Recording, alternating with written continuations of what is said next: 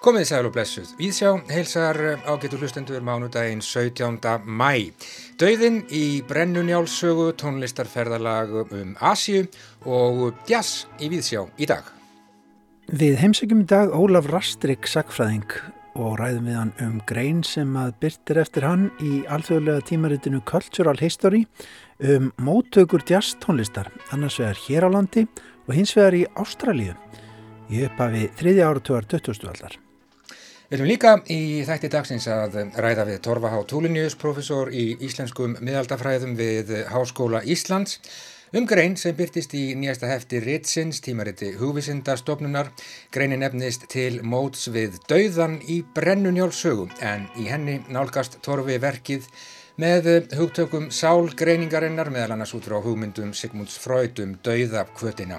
Það kemur upp úr dúrnum að margar personur í njálu taka eigin dauða fagnandi, meira um það í Víðsjá í dag. Og tónlistarhortnið Heyrandi nær verður á sínum staði í Víðsjá á mánundegi.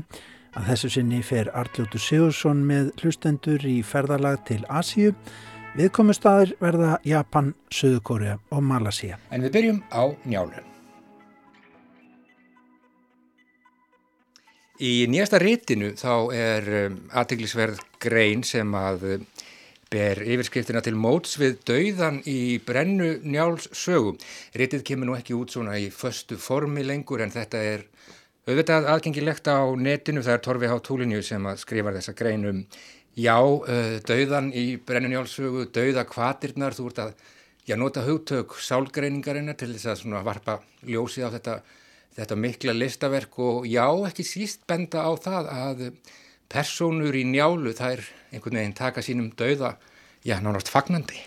Já, það er svolítið merkilegt með í njálu að það eru mjög margir sem fara bara sagt, með fullri vitund og vittneskju um hvað býður þeirra inn í dauðan og náttúrulega frægasta Uh, dæmið eru þeir bara njál og njálsinnir mm -hmm. sem að fara inn í bæinn og uh, þá vita þeir að þessi menn sem að þarna sitja um Bergþórskól að þeir hafa í raun og veru engra annar að kosta völ en að brenna bæinn af því að þeir eru þannig miðju á miðju, miðju óvinnasvæði hjálpar er von frá hérna nágrönum eh, hérna Njáls og Njálssona og þeir vita líka að eftir þessi árás þá verður hemdinn grimm Þannig að þeir verða að grýpa til þessa óþrifa ráðs að kveikja í, í bergþórskvóli og uh, njál og sínir hans vita, virðast vita og skarpiðin segir það í raun og veru, virðast vita það að með því að ganga inn í bæinn þá eru þeir að kalla yfir sig dauðan. En njál segir náttúrulega að Guð sé miskunnsamur og hann mun ekki láta þá brenna bæði þessum heimi og hinnum. En þetta er En ef maður skoðar þetta stórkostlega listaverk sem njála er, sem held, þá fer maður að sjá, reka augun í það að það eru mjög mörg dæmi þess að menn fari sjálfviljur inn í dauðan. Já. Gunnar, hinn svona stóra personan, mm -hmm. hann, þegar hann snýr aftur, þegar hesturinn hrasar á Gunnars holma og hann horfið tilbaka og sér þarna bleika akra og slegin tún, hann hérna hann ákveður að snúa tilbaka hann veit að það búið að spá honum uh, því að hann, uh, það muni kalla yfir hann döða hans og Kolskeggur veitar líka bróður mm. hans koma mun til mín fegðin, er það ekki? Já, og hann er mitt segir sko, þetta er á öðrum stað sem að uh, Gunnar hefur sagt koma mun til mín fegðin ef að mér er þess auðið eða mér verður þess auðið mm. og þetta er svolítið sérkennlegt orð að nota akkurat þetta orðalag að, að manni auðnist eitthvað Já. það er nú jákvægt en þá er einhverja fegðin mm. uh, áleitin set, henni líst sem einhverju jákvæðu og ég fór nú að skoða bara orðaforða njálu, njálu er nú lengsta íslendingasagan en samt sem áður það er mjög oft sem þetta orð fegur eða fegð uh, þetta orð kemur fyrir mjög oftar en í öðrum íslendingasögum og þetta sýnir kannski bendir til þess að höfundurinn sé áhuga samur eða sett hafi einhverja tilfinningu fyrir því að dauðin sé þegar í lífinu Já, þú ert að vinna með uh, þessar hugmyndir Freuds um, um dauða kvötina eða dauða uh, kvatirnar Já. þetta með það að markmið alls lífs sé það að uh, já, leita dauðans bókstaflega Já, þetta all líf stefnir að dauða sínum mm -hmm. og um, en á sínum forsendum. Já. Já. Og uh, þetta, þetta var um, eitt af því sem að Freud, Freud fór í getnum mörg skeið á, sinni, svona, á sínum langa vísundaferli og uppgötunarferli og, og sent og síðan meir, ekki fyrir eftir fyrir heimstyrjöld, þá var hann orðin komin á svona, já, uh, komin af sínu léttasta skeiði, þá er hann að rannsaka menn sem hafa orðið fyrir sem þetta, áföllum, í miklum áföllum í, í fyrir heimstyrjöld og uh, veldur í fyrir sér hvers vegna dreymir þá það hræðilega sem kom fyrir þá mm -hmm. og þetta stríti gegn kenningu hans um velíðuna lögmáli að draumar séu uppfylling óskar, að í, í draumum rætast óskir okkar en þetta martraðir þessara, hérna, þessara hermana úr, úr fyrir heimstyrjöld þær uh, voru náttúrulega ekki, þær voru end, upp, endur upplifun á einhverju hræðilegu Já. sem hafði komið fyrir þá og þess vegna skrifar hann grein sem heitir Handan vellíðunar lögmálsins sem átti eftir að hafa mjög mikil áhrif þar sem hann einmitt eh, get, set, setur fram þá kenningu að það séu ekki bara það séu margvíslegar kvatir sem stýri dulvitundar lífi okkar og einn er Eh, og sett, einn hópur eru lífskvatirnar það er sem svona halda auðvitað um okkur uh, passa upp á okkur. Ástinn er þar, erós kallar hann þessar kvatir svo eru aðra kvatir sem eru kannski sterkari og sem hann kallar thanatos mm. eða dauða kvatirnar og byrtast einmitt í í ábyrðisneigð byrtast, byrtast í sundrungarkvöt eðileggingarkvöt og að þetta séu kvatir sem eru mjög djúft í okkur Já. tengjar eru eða rætur, fröyd var raunvísindamæður e, uppaflega, læknir og tauga lífælisfræðingur og hann um, held jafnvel að þessar dauðakvatir væru sagt, hluti af bara svona í raun og veru sögu lífs á jördu Já, að all, all líf stefnir að dauða sínum og, og, og en uh, þannig að að dauðakvatirnar þess að sálarlíf okkar er, þetta segir Freud það, þetta er svona átök milli lífskvata og dauðakvata mm -hmm. og í, í sæmilu jafnvægi þá eru það lífskvatirnar halda utanum dauðakvatirnar. Við þurfum hins vegar á dauðakvatunum að halda því mm. það þarf ákveðna svona bara aggressivitet til, veru, til að lifa lífinu. Þannig er stöðu átök. Já, lífið er stöðu, stöðu átök. Og, og þetta er náttúrulega svona líkan bæði fyrir sálarlífið en líka fyrir, fyrir um, hérna, samfélagið og ekki síst fyrir bókmyndir Já. og það var mjög snjall uh, bandarískur bókmyndafræðingur sem að hétt, ég held að hans er látin Peter Brooks sem að skrifaði bók sem hafði mikil áhrif á mig og ímsa aðra uh, eftir hann á síðustu öld sem heitir Reading for the Plot og hann uh, hérna segir að þetta er í raun og veru líkan að allum frásögnum. Allar frásagnir eru, það eru náttúrulega smíð hugarins, hugarsmíð, mm -hmm. manneskjan e, smíð, smíðar sér frásagnir til að henda reyður á tilveru sinni, en um leið og manneskjan getur hort á tilveru sína, þá rennur upp fyrir henni að hún er döðleg og allar frásagnir eru, eru fylgja svipuðu líkani og lífið sjálft, þar að segja það er stefnallar að endalokkunum mm -hmm. og, uh, og þetta er sér líkan að bara öllum frásögnum. Mm -hmm. en hvernig tengist þetta njálu?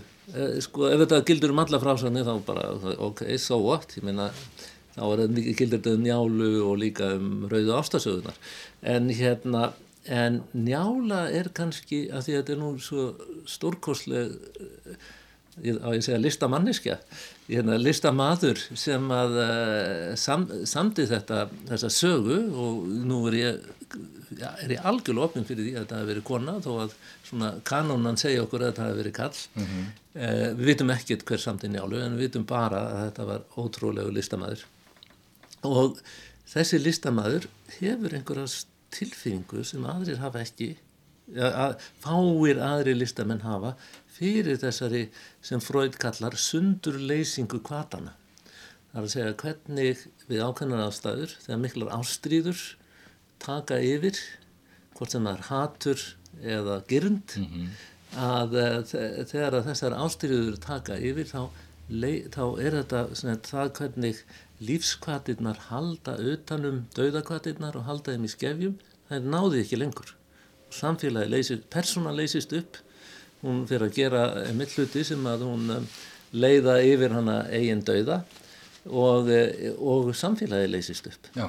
Og þegar maður fyrir að hugsa um njálu út frá þessu þá ser maður að þetta er sagum ástríður, gyrndar ráð Gunnars frá hlýðarenda þegar hann um, fellur svona fyrir hallgerði uh, erfitt að varast það um, og ímsar uh, aðrar ástríður eins og bara hatur, spenna senan milli skarpiðins og hérna og flosa þegar að sættir eru næstum því að takast mm -hmm. og lífskvatirnar hafa sigrað á alþingi eftir við höskulds þráinssonar það er komið þarna Uh, búið að sapna penningum til að borga mikil manngjöld og svo faraði þeir að skiptast á, hérna, á skotum, losi og skarpiðin og ástriðunar taka yfir, mm -hmm. þarna er það hatrið, mm -hmm. ekki gendaráðið og, og ég held að sagan snúist um þetta og hún segir, það er svo margt í sögunni sem segir okkur þetta og meðal annars síðasta bara, allra síðasta sem að sagt er frá í sögunni sem er döði flosa Flósi er, mér finnast, sko, það eru mörgum sem finnast njál uh, og hallgjörður áhugaverðustu personar. Pers uh, ég, fyrir mitt leiti, er náttúrulega ákaflega hrifin af Gunnari frá Hlýðarenda, þó að kona mín sé ennþá hrifnar á honum að öðrum ástæðum. Uh, ég er hrifin á honum, sko, það er af því að hann er svo sætur, en ég er hrifin á honum vegna þess að þetta er maður ástriðunana sem reynir að hemja þess. Mm, flókin persona. Hann er, hann er miklu flóknari persona en mér var kent í skóla. Já mér var kent í skóla að hann væri flötpersona bara svona, svona, svona kenn sko í mhm, Barbie mm -hmm. en hann er mjög flókin persona sem er að takast á við eigin ástríður og stundum verður hann reyður og, en stundum verður hann gladur mm -hmm. og það er hérna það er bara tísar sem er talað um hans í kátur og í fyrraðskiptið er rétt áður en hann heitir Hallgerði mm -hmm. og ástríðurna taka yfir og síðan er það þegar hann sérst, þegar sérst til hans lát, lát döður í sínum grafhaug mm -hmm. þá syngur hann við raust og Já, er einmitt kátur Já. og þannig að gleðin er í, í döðunum af því að þar eru ástyrjöðunar ekki lengur Nákvæmlega. að, eh, að samáfiðum flosa flosi hefur, þarna, er góður maður sem gerir vonda hluti og þar er hann einmitt aðþrengdur við að, gera það, það eru ástyrjöður þarna sem að þrengja að honum og uh, hann uh, fer síðan utan og hann horfir á alla sína menn, drefna og, og uh, upplifir að fyrirfram í þessari martraða kendu draumsín þegar hann sér í átgrím ganga úr, hérna, úr lómagnúpi en í lóksögunar er hann komin aftur heim, búin að sættast við, við Kára búin að sættast við Guð, hann hefur gengið til Rómar og fengið eh, hérna, aflaust páfa fyrir á glæpi sem hann hefur dríkt. Svo fer hann utan til að afla sér viða, til að byggja, reysa sér nýjan skála að svínafelli, skipið laskast á leiðinni utan já, og svo þegar hann allar aftur út til Íslands þá hefur hann ekki látið gera við skipið fyrir seint af stað og skipið hverfur mm -hmm. og, í, í hafið og þann með flosi úr sögunni og hann segir um skipið að það sé ærið gott gamlum og feigum hann veit Já. að hann er að fara að inn í dauða sinn og dauðin hefur sagt, eh, hann hefur lifað sínu lífi í átökum ástriðnana en mætir dauðanum á mm. eigin forsendum Já, en honum er list sem sko gufu manni þrátt fyrir að hafa framið ódæðisverk. En þetta með sko frásagnarlistina og dauða kvatirnar þar, þar skipta ekki satt eh, endurtekningar miklu máli. Já, það er eitt af því sem að Freud, Freud komst á sporið með dauðakvötina í meðal annars með því að skoða hegðun ómálga hérna, dóttursvona síns mm -hmm. sem að átti mjög erfitt alltaf þegar mamma hans hérna, brá sér að bæ á orgaðan og leta öllum yllum látum. En svo eftir smá stund þá var hann farin að tók Freud eftir því að strákurinn var farin að láta leikfang sitt hverfa undir kommóðu held ég eða, eða skáp eða eitthvað eða rúm. Og sagði alltaf óh og svo, og svo fann hann hérna hlutin aftur og sagði aaaah og þetta sagði Freud af því að hann var ómálga en hann var samt, máltakan var hafinn og Freud sagði að hann hann að segja fort sem þýðir e, frá og da sem þýðir hér mm -hmm. og, og þarna er hann í raun og veru að hemja með endutekníkunu hann bara e, allir að segja hvað börn geta enduteki leiki aftur og aftur og aftur, aftur.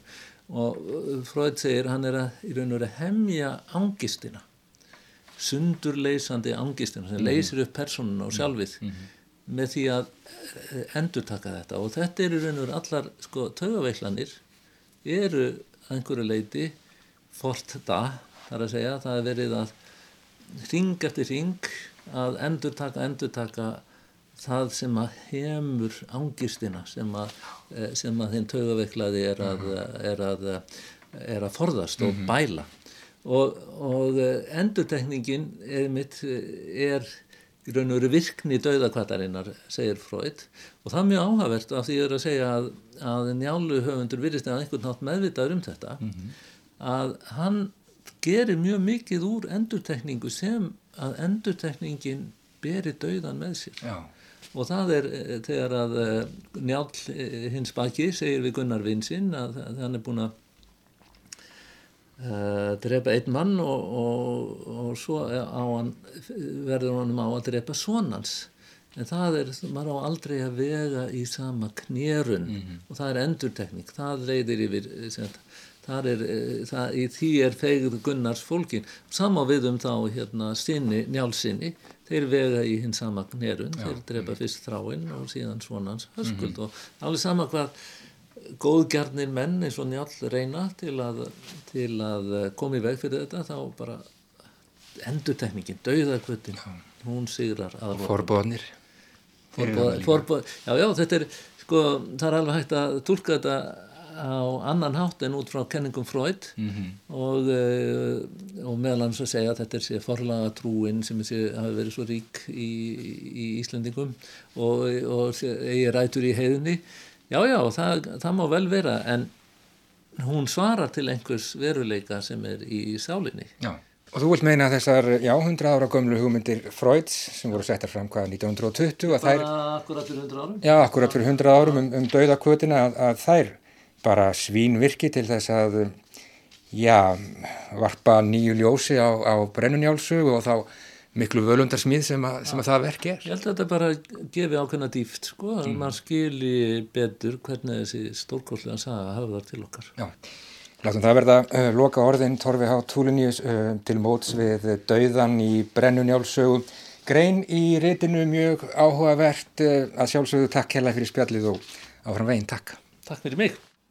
Já, Torfi H. Túliníus, professor í íslensku miðaldafræðum við Háskóla Íslands og Dauðin í Brennunjáls sögu, mjög aðtiklisvert eh, viðfangsefni, nýtt hefti Ritsins tímarits húvisindastofnunar helgað Sigmund Freud og arfleið hans. Og talandi um njálu, njála auðvitað kvöldsagan hér á ráseitt þessar vikurnar, í flutningi Einars Ólafs Sveinssonar upptaka frá árinu 1972. Femtilestur á dagskrá hér á ráseitt klukkan 21.30 klukkan halv tíu í kvöld. En þá líkur leiðin ágætu hlustendur alla leið til Asíu. Við förum í tónlistarferðarlag með Arljóti Sigursinni í tónlistarhorninu Heyrandi nær.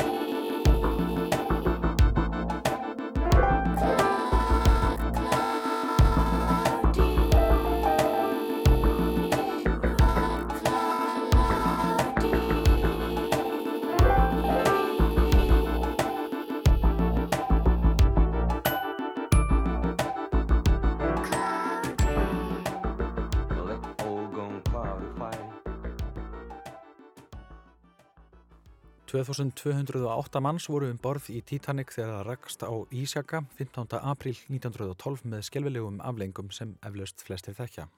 Rétt rúmlega 700 manns lifði af þetta hörmulega slis en eini Japanin um borð, Masabumi Hosono, kom slíft af. Þó við lítinn fögnuð en mætti kannski kalla það Titanic-bölfununa að fólk vildi oft útrópa eftirlifendurna sem hafðu á augurstundu hugsaðum að bjarga eigin skinni.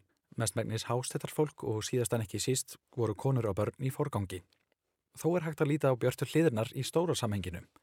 Félagið sem við heyrðum rétt í þessu, Orgon Box frá 1989, er einmitt með barnabarni Titanic bölvaða Masabumi Hosono. En það er japanski tónlistarbrautriðandin Haruomi Hosono. Stoppmeðlemur Yellow Magic Orchestra sem margir kannast við og ásjálfur yfir 50 ára fjölbreytan feril að baki. Í þessu mætalagi Orgon Box bauð hann upp á Fusion Kitchen með New Orleans Boogie Woogie hljómborðsbrikli og æði saman nævískum einfallleika og töffaraskap og súrir hrútsmungar on the side. En þá að næstu etikslegnu Asíu dagsins. Frá Söður Kórium kemur virtuós og söngunan An Suk Sun, fætt árið 1949 í Namwon og lærði af frængusinni hinn að merku tónlistarhefð Pansori sem hún tilengaði sér og gerði aða æfistarfi. En hvað er svo Pansori? Pansori er tónlist í frásagnarformi sem samanstændur af tjáningarigum söng við trommu undirleik, þó stundum fái önnur hljóðfæri að fljóta með. Reynleiki eða fullkomnun rattarinnar er ekki takmarkið, heldur er röttin látin tólka allar hliðar mannlegar reynslu. Sungnar eru sögur af ást og sorg, lífi og dauða, hamingju og harmi. Þó að hefðin sé sterk í Pansori tónlist eru flytindurnir þó látnir þróa sinn sérstaka persónulega stíl. Ekki dregur það úr einlægni tólkunarinnar á stóru tilfinningunum og þó manni sé ábyrð og vant í kórisku þá finnum aður ríka samkend með ímyndaðri sögupersonunni. Hægt og bítandi hefur hróður Ansúk Sún aukist og hún kafað dýbra og dýbra í pansóri djúbálinn. Með tímanum hefur demansrött hennar slípast til og flutningur hennar orðin fínstiltur upp á niftind. Það er engin fyrða að söður kóreska þjóðin útnendi hana lifandi þjóðargersimi. Hlustum nú á Ansúk Sún flytja Nandósöngva úr Sjóla hérraði Kóreu.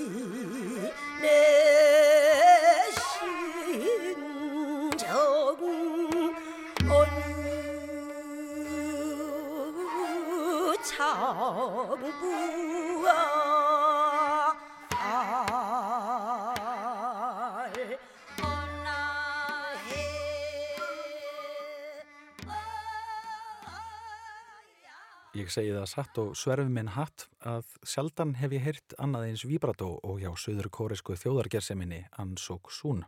En áður en ég hvið ykkur í dag langar mig að spila stuttlag frá hljómsveitinni Asia Beat af geislarblötu sem ég fann á skransölun í verið. Þar er malasíski áslátursmeistarin Levis Pragasam Dreifjöðurinn. Best tekst þeim upp í læginu Man Land Struggle En þó hljóðheimurinn sé sumpart barn síns tíma þá gleður Asiabit eirun mjög með leik sínum þegar hæst stendur. Heyrandi nær þakkar hlust góðar stundir.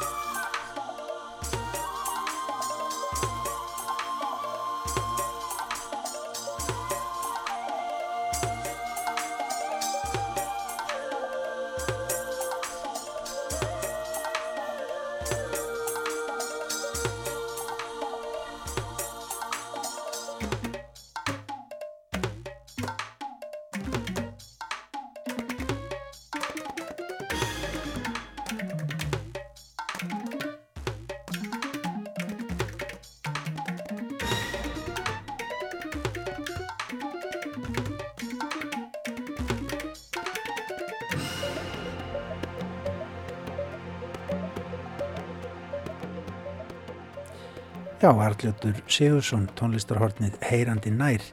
Arljótur að þessu sinni í för um Asíu. Við heyrum aftur í Arljóti hér í Víðsjá, fljótt og vel. En áfram hugum við að tónlist og reyndar jazztónlist í Ástralju og á Íslandi.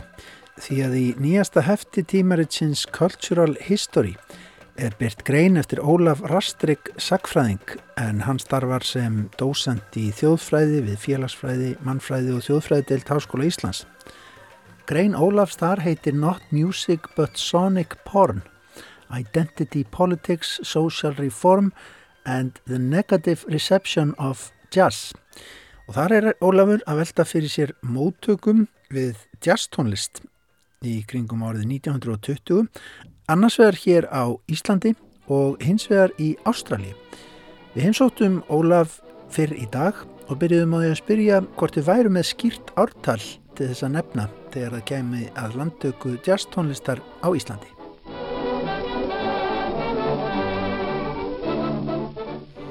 Já, ég myndi segja það að, að við, getum, við getum fundið bara hvernar er, er fyrst minnst á jazz í íslenskum dagblöðum og það er 1920 þegar uh, Sigur Guðmundsson klæðskeri uh, fór að kenna jazz undir því nafni, sem sagt kenna uh, dans og hann kemur með þetta, þetta hugtak inn þannig að það sjá sérst í blöðum. Áður hafði náttúrulega e, þetta eitthvað borð á þessu sko bara í gegnum e, náttúrulega gegnum kvikmyndir sko e, þar sem að vísa þær til þessara tegundar af, af dagur tónlist og þá náttúrulega ragtime sem svona fyrirrennara þessarar, þessarar tónlistar sem var farið að kalla jazz á, á, á árunum eftir fyrir heimstölduna e, Stefania Guðmundsdóttir leikona hún var að kenna einhverja svona dansa þannig að maður, maður sér sko vísað, vísað í þetta í blöðum fyrr en, en 1920 er, er fyrsta skiptu sem, sem að þetta orð er notað í, í, í íslenskum dagblöðum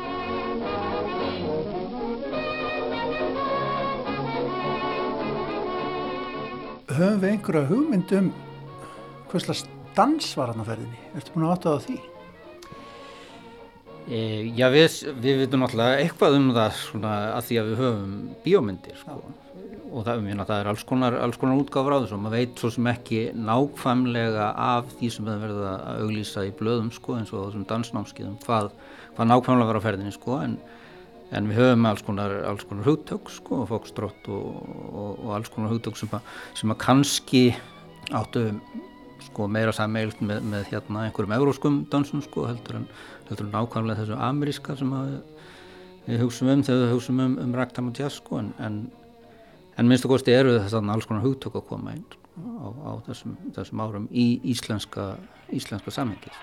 Wait a minute, wait a minute, you ain't heard nothing yet. Wait a minute, I tell you, you ain't heard nothing. You want to hear Toot Toot Tootsie? All right, hold on, hold on. Lou, listen. Play two, two, three. Three chorus, you understand? And the third chorus, I whistle. Now give it to him hard and heavy. Go right ahead.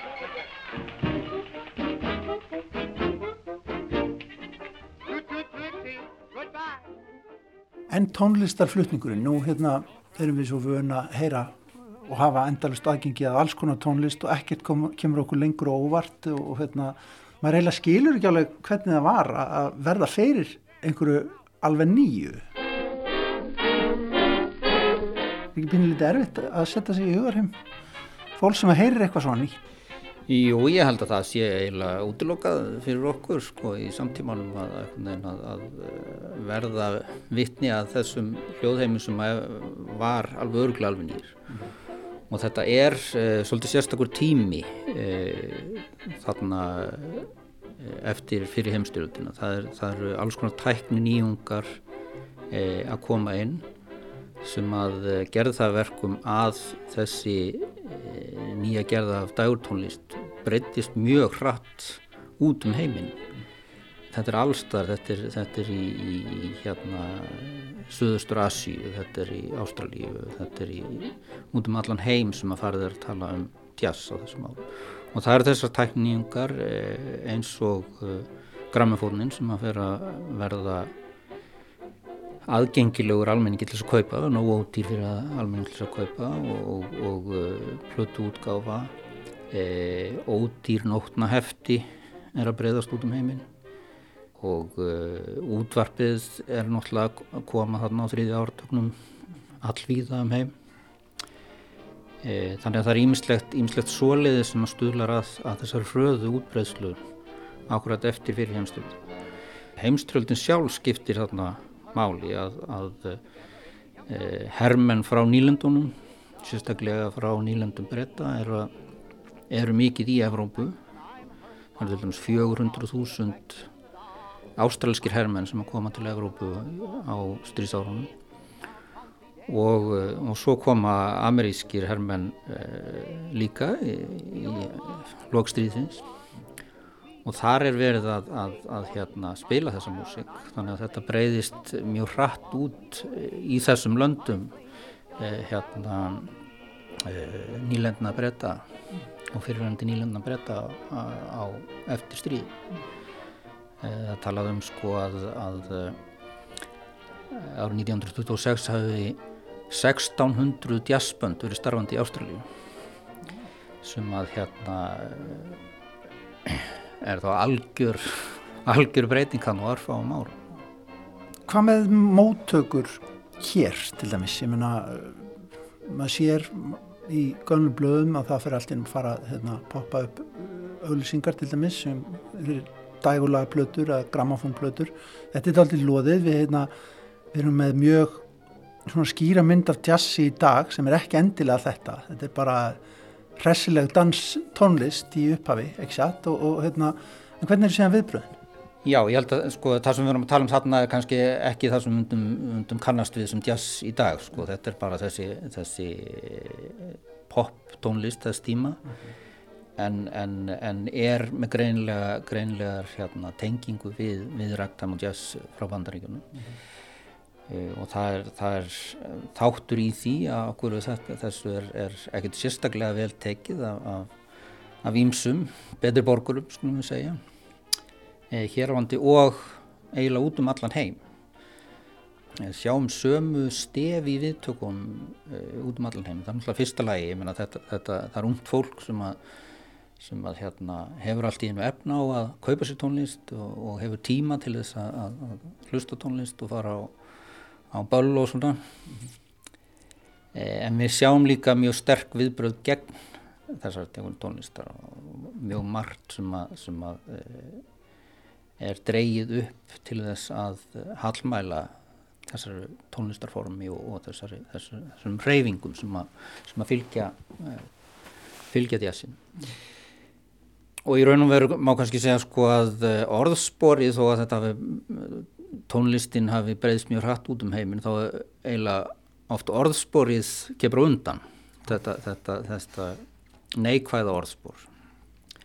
Uh, og, og þetta eru stef sem að voru þekkt uh, í bandaríkjónum í viðbröðum við ragtime tónlistinni uh, fyrir aldamotinn 1900 og þau eru tekin upp sko um þessa, þessa dagur tónlist á millstíðsárum þannig að það eru mörg stef sem að þar koma saman það er kynþáttatengingin það er tenging við, við uh, svona frjálslind uh, kynferðishegðun mm. það er tenging við Afríku við að þetta sé svona frumstæð tónlist mm. það er tenging við spillingu stórborgarinnar þetta sé eitthvað sem að, sem að er ástundað á, á vændushúsum í, hérna, verri hverfum stórborgarna þannig að þetta, þetta er bæði mjög nútímalegt en um leið eh, mjög frumstætt. Þannig að það er tekin ímis e, stef e, og hengt á tónlistina sem að, að útskýra hana sem eitthvað, eitthvað neikvægt en, en þetta á ekkit endilega þetta, þetta gengur ekkit endilega upp svona logíst sko en, en eitt, eitt sem er mjög, mjög hérna aðilsvert er þessi tenging við líkamlega enkenni mm. það er eiginlega sko þetta er ekki bara siðferðissjúkdómur heldur er þetta eitthvað sem getur leitt til líkamlegra hnignunar áhærenda uh, og þetta er, er líka gamalt stef sem að tengi stónlist uh, til dæmis hefur verið fjallað um tónlist Wagners í þessu samhengi sko að, að uh, hann var bæði sko tákn og, og, og útskýring á e, menningarlegri hnignun og geðveiki og hysteri og þar framöndu gottunum og senni luta 19. aldar í sumum, sumum kreðsum e, og þessi orðræða flist eila yfir á, á þessa dagurtónlist þannig að, að það rætt í blöðum e, viða um heim um það að e, þeir sem að ánjættist jazztónlist fari að hlusta á hana og reyfa sig í takt við hana e, það komi fram í einhvers konar líkamlega líkamlega lífningnum fólk verði lamað eða fólk hérna það, það gerist eitthvað, eitthvað, eitthvað við það bæði á geði og, og, og líkamlega. Þannig að, að það, það er þessi orðræða sko, minnst þú kosti hér á landi hún er eiginlega komin hingað sko áður en tónlistin kemur. Þannig að við, Íslendikar eru tilbúinir að meðtaka þetta en, en vita af þessari, þessari hérna, þessu orðspóri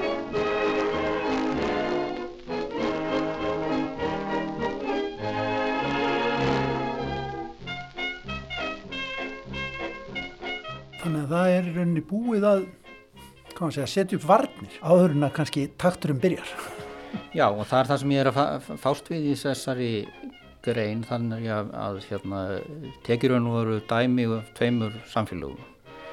Eh, annars Íslandu og hins vegar frá Ástralju eh, það sem að ég er að skoða sagt, þessi neikvæðu viðbröð eh, í, í, í hérna, samfélagsumræðinni E, og ég sé alveg sömu, sömu stefin, það eru er tekin upp sömu stefin sem vantanlega eru, eru bara ættu frá uh, bandaríkjónum og hafa, hafa verið í bandarískri umræðu frá, frá hérna lokum 19. aldar um tónlist svartra og öll þessu stef eru einhvern veginn tekin upp bæði í, í lokalblöðum í, í Ástralíu og í, í fjölmjölum hér og aðlöguður nú verið að staðháttum og, og, og þjóðfélags eða umræðum þjóðfélagsóknir í hvoru landi fyrir sig.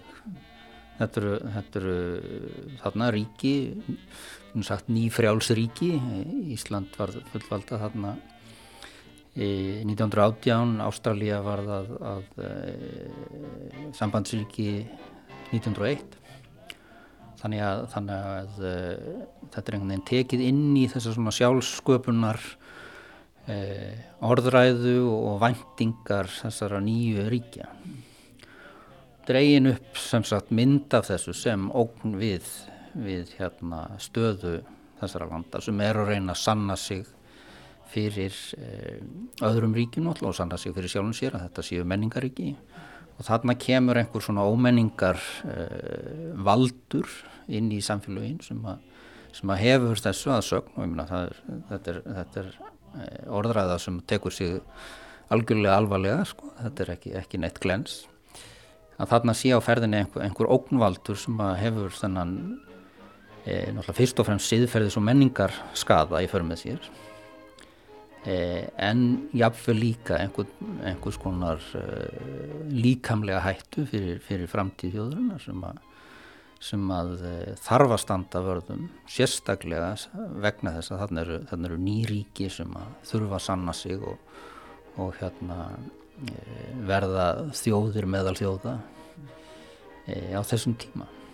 Og þetta, þetta tengist náttúrulega margskonar öðrum þáttum eins og hér á landi varðandi, varðandi hérna, sjálfstæðisbaráttuna eftir, eftir 1918 þegar, þegar Íslandingar eru að e, eru mjög uppteknir af því að, að, að sína fram á að þeir geti staðið sem, sem sjálfstæð sjálfstæðsjóð, sjálfstæðt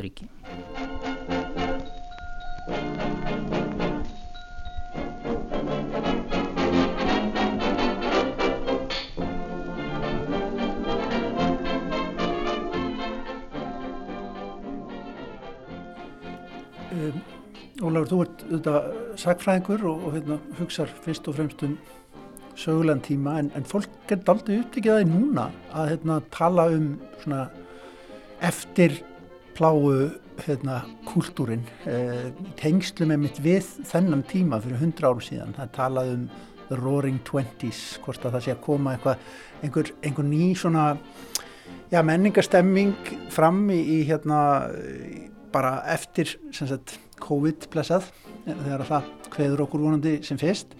En sko þetta er mjög mikil degla á þessum árum þarna fyrir 100 árum. Ef, ef við miðum við árið 1920 til dæmis eins og við byrjuðum á að tala um að bara hérna þriðja áratugurinn er, er kultúráratug og þá ekki síst líka í dægumenningunni. Hún kemur til skjálana og tekur sér pláss ekki það Jú, þetta er náttúrulega mjög uh, ábyrrandi varandi Íslands samfélag að, að, að uh, það verður algjör, algjör umbylting á þessum árum eftir, eftir fyrir heimstjórnuna í sérstaklega í dægumenningunni. Það er, það er náttúrulega allar þessar tækniníungar sem, sem að koma þarna inn, ég nefndi útvarpið á þann og grammifótnin og kvikmyndirna náttúrulega verða mjög ábyrjandi í, í menningarlífinu og veita einhverjum, einhverjum hérna svona visual ströymum inn í, inn í landið þannig að fólk fyrir að klæða sig og, og, og hérna konur fara að klippa hárið stutt og, og þar framtökutunum það er þessi beini aðgangur að sjónrætni menningu Ameríku og Evróp um, og það verður, verður þessi stemning. Það er líka náttúrulega þetta er, þetta er, þetta er ungt fólk með peninga. Það hafði náttúrulega ekki sést áður á, á, á Íslandi að það væri einhver, einhver stór hópur sem að, af ungu fólki sem, að, sem átti peninga sem það gætt neitt í, í, í menningu. Þannig að það, það er eins og segir sko, mikil, mikil, mikil degla í dægurmenningunni á, á þessum, þessum árum.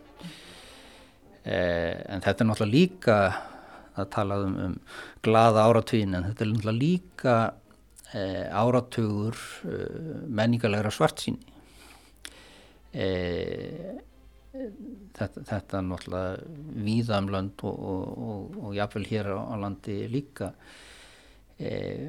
var heimstyrjöldin og hérna spænska veikin náttúrulega gríðlegt áfall. Þannig að það er það svona það, það er verið að vinna úr alls konar tráma á, á þessum árum líka þannig að e, og það, það, það held ég að blandist inn í, inn í þessa, þessa dægurmenningu og þessa tímanbils.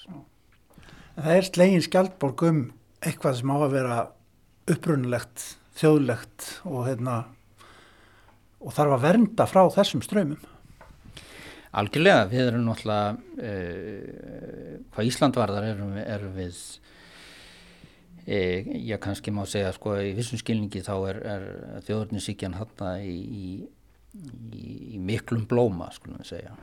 Og, eh, og það þjórninsíkjan eh, hún, hún snýst mjög mikið um, um að, að slá skjálfborg um, um að venda heið e, þjóðlega eða, eða heið göfuga eða hvernig sem við, við hugsaum það.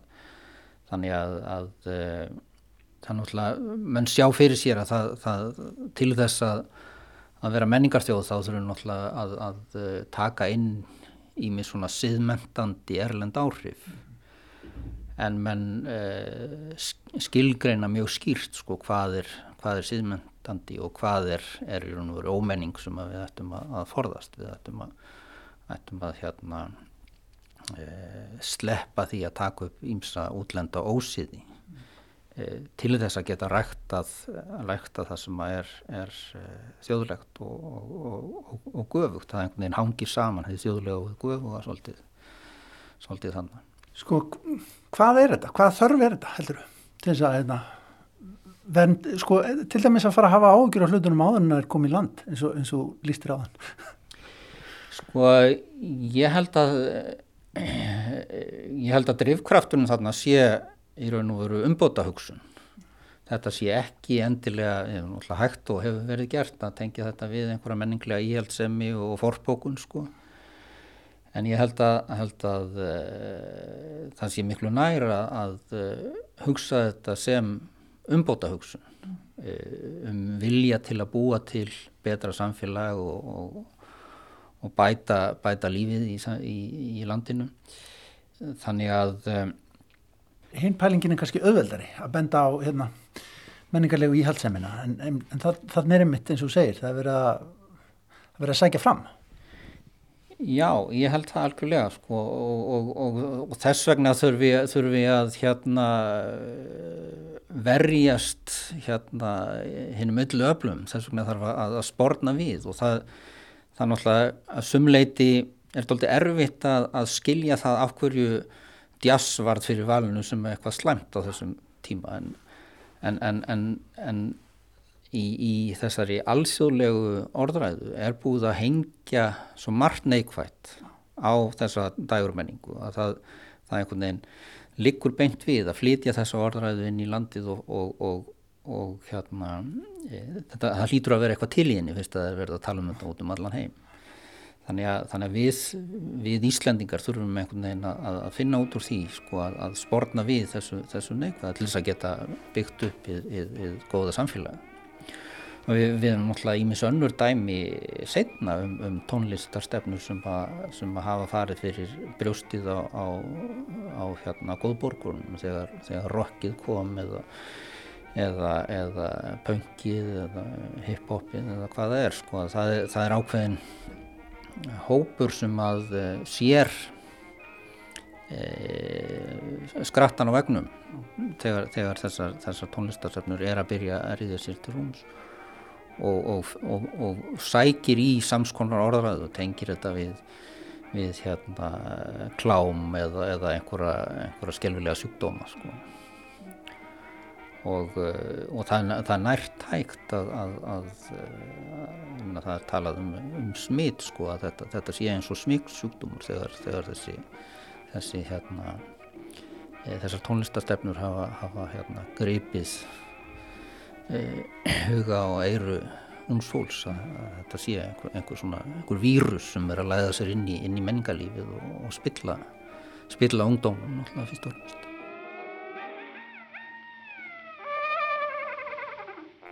Já og þarna var rætt við Ólaf Rastrik, segfræðing og dósent við félagsfræði, mannfræði og þjóðfræði deilt Háskóla Íslands en hann var þarna að segja frá grein sem að byrtist eftir hann í alþjóðlega reytinu Cultural History um landtöku jazzins annars vegar hér á Íslandi og hins vegar í Ástralja. En svona ætlum að ljúka við sjá í dag ágættu hlustendur. Við sjá hér aftur á sínum stað á sínum tíma löst eftir klukkan fjögur á morgun. Takk fyrir samfélgin í dag. Verðið sæl.